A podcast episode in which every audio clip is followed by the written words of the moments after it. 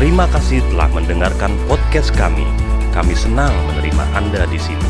Misi kami untuk berbagi tips, keterampilan, skill, dan pengetahuan terbaru dan terhebat untuk menjadikan Anda menjadi terbaik sebisa Anda.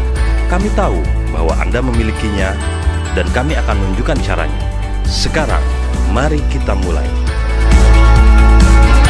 Sobat Poliresto, setelah sebulan lebih beristirahat, saatnya kita kembali menggali potensi dan kemampuan kita bersama-sama untuk mengembangkan usaha kuliner sobat-sobat. Pemilik restoran, konsultan kritikus, dan bahkan blogger selalu berbicara tentang pemilihan lokasi yang tepat untuk sebuah restoran. Lokasi memainkan peran penting dalam keberhasilan atau kegagalan sebuah restoran. Banyak perusahaan besar tutup karena lokasi restoran yang buruk. Memang benar sobat, diperlukan upaya yang cukup besar untuk menemukan perpaduan yang tepat dari tiga serangkai, yaitu lokasi, makanan atau produk itu sendiri dan pelayanan.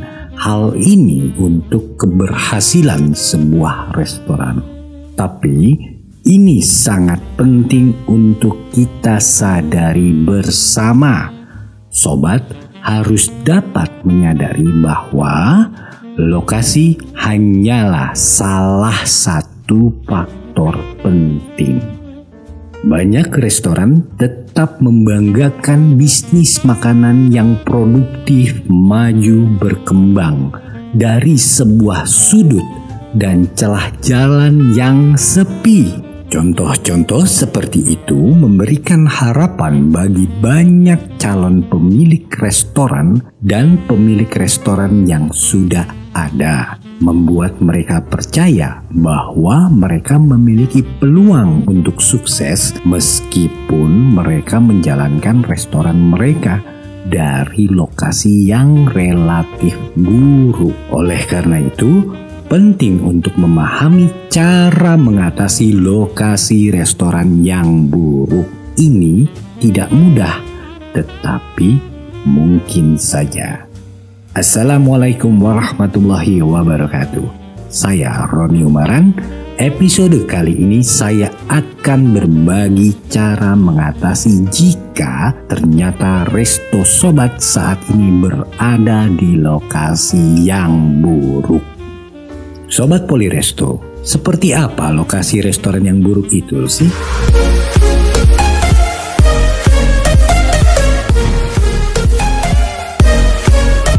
Lokasi restoran dapat dianggap buruk jika memenuhi satu dari lebih kondisi berikut ini.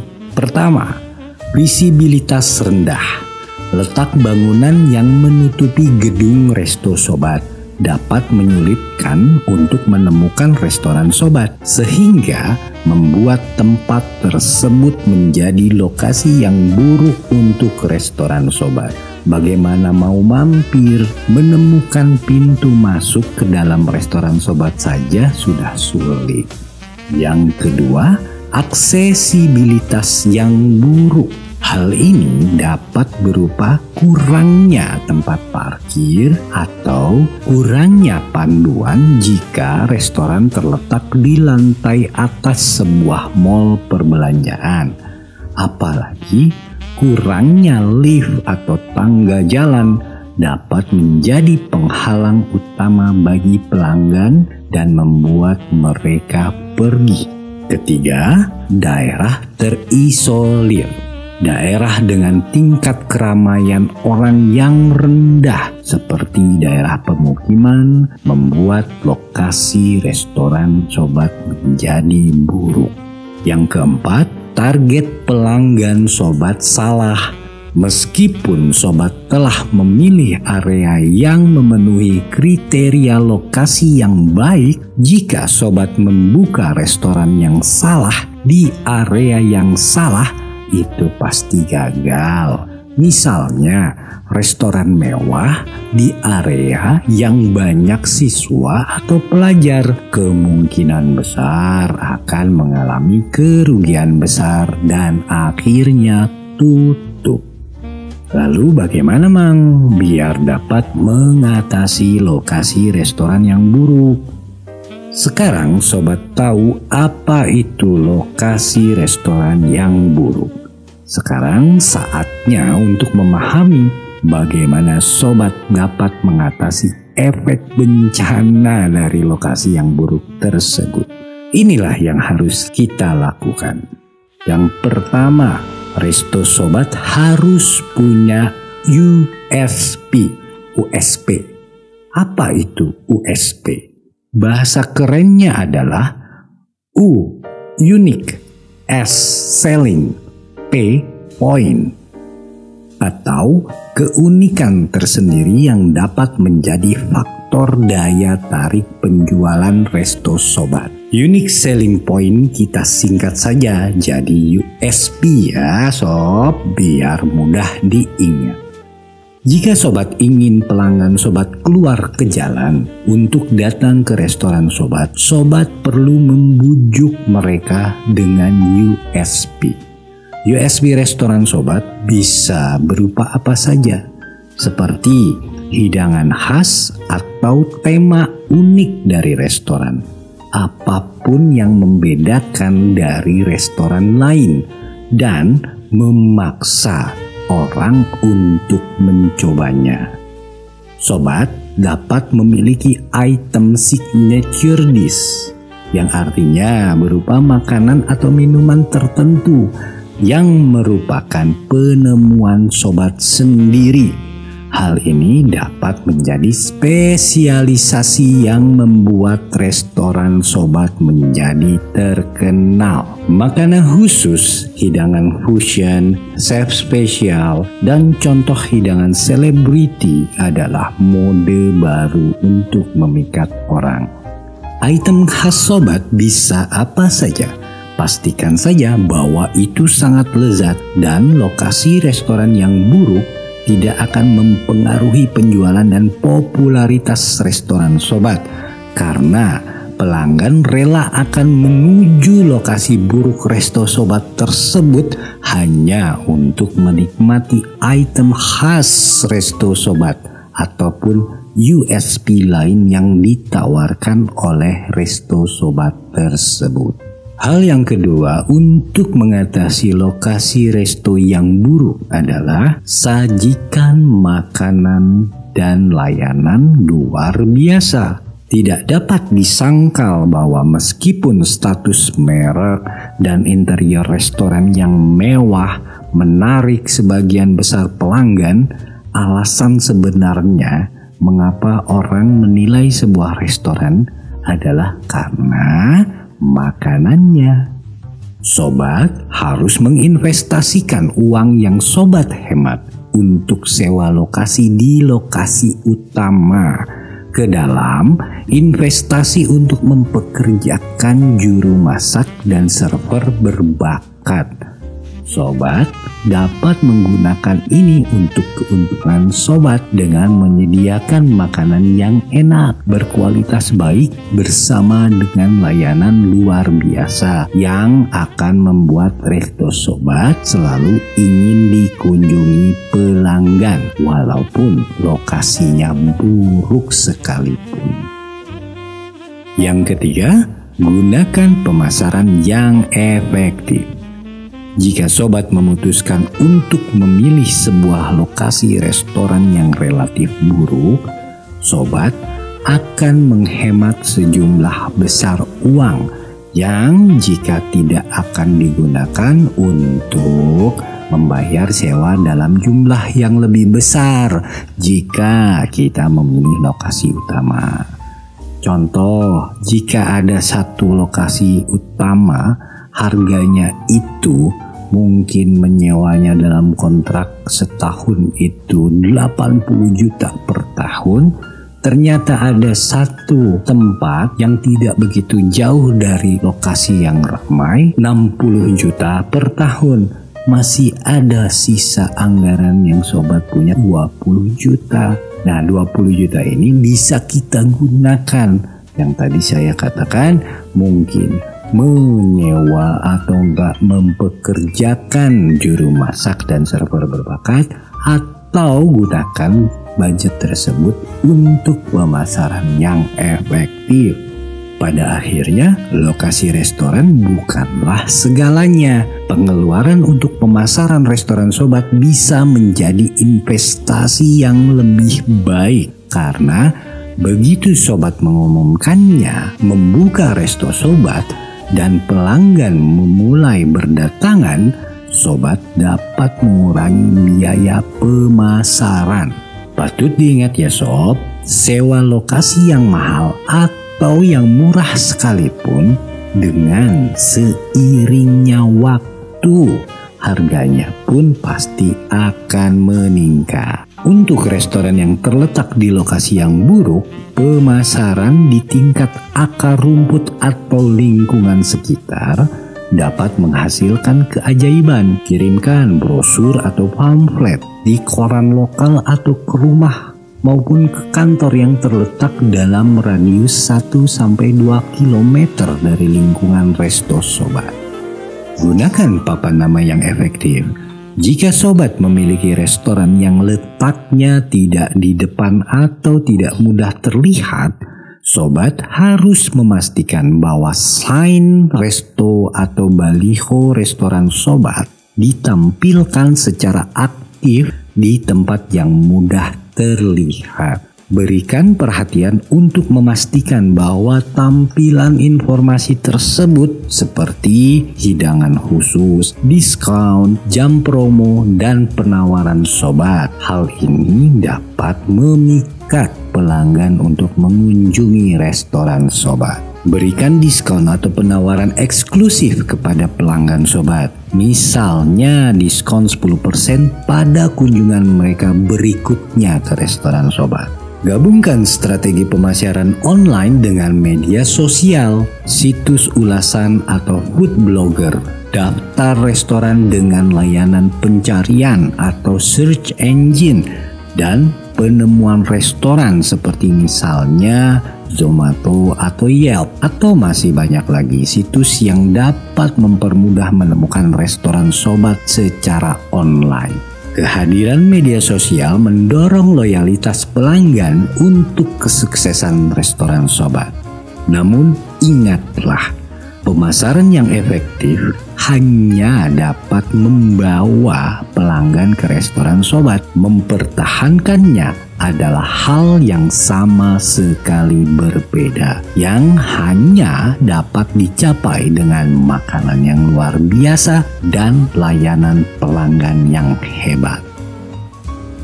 Lalu, hal yang dapat kita lakukan yang keempat adalah opsi pengiriman atau delivery. Jika pelanggan sobat tidak dapat mendatangi resto sobat, mengapa sobat tidak coba mendatangi mereka? Seringkali restoran yang terletak di lokasi yang buruk memiliki model bisnis pengiriman makanan yang berkembang pesat opsi pengiriman makanan online dan melalui panggilan dapat menjadi pengubah permainan dan meningkatkan pendapatan sobat berlipat ganda. Dengan pertumbuhan luar biasa dalam pemesanan makanan online dalam beberapa tahun terakhir ini, semakin banyak pelanggan yang terus mengutamakan kemudahan memesan makanan yang sangat bermanfaat untuk restoran kecil dan restoran takeaway. Sobat dapat memanfaatkan ini untuk keuntungan dan pertumbuhan bisnis restoran sobat. Sangat banyak pilihan saat ini dari GoFood, GrabFood, SoFiFood. Hal ini memudahkan sobat tanpa harus memiliki pasukan delivery sendiri. Hal terakhir yang kelima adalah lakukan riset pasar atau penelitian pasar. Sebelum sobat berani memutuskan untuk memulai restoran di lokasi yang buruk ataupun kurang dikenal, salurkan detektif batin sobat dan lakukan sedikit penelitian pasar yang akan sobat masuki tersebut berinteraksi dengan penduduk setempat dan pahami kebutuhan dan keinginan mereka. Sobat juga bisa bertanya tentang bisnis gagal yang didirikan sebelumnya di area tersebut. Bisa jadi sobat sendiri yang tidak berani dan orang lain di masa lalu memang mencoba membuka gerai makanan di sana tetapi tidak bisa bertahan lama. Bisnis yang gagal bisa menjadi guru yang hebat loh sob. Sobat dapat mengarahkan kesimpulan dan informasi yang relevan tentang bagaimana sobat seharusnya menjalankan bisnis sobat. Melihat kesalahan yang dilakukan restoran yang gagal, sobat dapat melengkapi teknik yang sesuai untuk bisnis sobat dan mengidentifikasi semua kemungkinan kesalahan yang tidak boleh sobat lakukan di restoran sobat sendiri. Jika sobat telah terlanjur berada di lokasi yang dikatakan buruk, tidak ada salahnya ataupun belum terlambat untuk meriset kembali restoran sobat. Dimulai kembali dari konsep makanan, konsep restoran hingga target pelanggan sobat. Sayang loh, karena saat ini sobat telah memiliki tempat karena masih banyak resto planner sobat kita yang lain yang belum dapat memiliki ataupun memilih tempat sekalipun. Dapat diartikan bahwa lokasi restoran lebih merupakan variabel atau faktor penunjang lain yang memang penting dan bukan bersifat keharusan. Jadi, meskipun sobat gagal menemukan lokasi restoran yang sempurna, jangan putus asa karena sobat tetap dapat bersaing dengan restoran lain yang terletak di lokasi terbaik di kota sobat. Jadi sobat Poliresto, kali ini kita telah belajar bersama cara mengatasi lokasi resto yang buruk yaitu satu Gunakan USB sobat. Bila sobat memiliki USB unik yang micu rasa ingin tahu orang atau reputasi yang membuat orang ingin mengunjungi sobat, yakinlah pelanggan akan melakukan perjalanan untuk sampai ke restoran sobat. Yang kedua, gunakan makanan sobat. Jika sobat menyajikan makanan yang enak, apalagi lokasinya pelanggan akan mengejar mendatangi sobat di mana pun sobat berada. Yang ketiga, gunakan pemasaran yang efektif. Tidak ada yang bisa menyangkal keuntungan dari pemasaran. Jika strategi pemasaran sobat tepat pada tempatnya, orang akan tahu tentang resto sobat terlepas dari seberapa buruk lokasi restoran tersebut. Keempat, opsi pengiriman makanan melalui online delivery. Pelanggan tidak peduli di mana sobat berada selama makanan sobat enak. Jelajahi opsi pengiriman makanan ini untuk mempertahankan penjualan sobat. Dan yang kelima, lakukan riset pasar. Terkadang sobat mungkin merasa bahwa suatu lokasi buruk, tetapi solusinya mungkin tidak jauh Lakukan riset pasar tentang lokasi tersebut, bicarakan dengan penduduk setempat, dan sesuaikan diri sobat dengan apa yang mereka butuhkan, dan sobat pasti akan melihat peluang tersebut. Terima kasih, semoga bermanfaat. Jika bermanfaat, silakan untuk share kepada orang-orang terdekat sobat yang memerlukan pembelajaran ini, like dan subscribe. Mohon maaf atas segala kekurangan. Jika ada pertanyaan, silahkan feedback di channel Des Help ya kami yang ada di deskripsi. Sampai jumpa di episode selanjutnya. Anda yang terbaik, share the pie. Wassalamualaikum warahmatullahi wabarakatuh. Suka dengan apa yang Anda dengar di episode minggu ini? Jawabannya sederhana. Ini akan sangat berarti bagi kami jika Anda membuka iTunes atau Podcatcher Anda dan memberikan ulasan serta umpan balik bintang 5 kepada kami.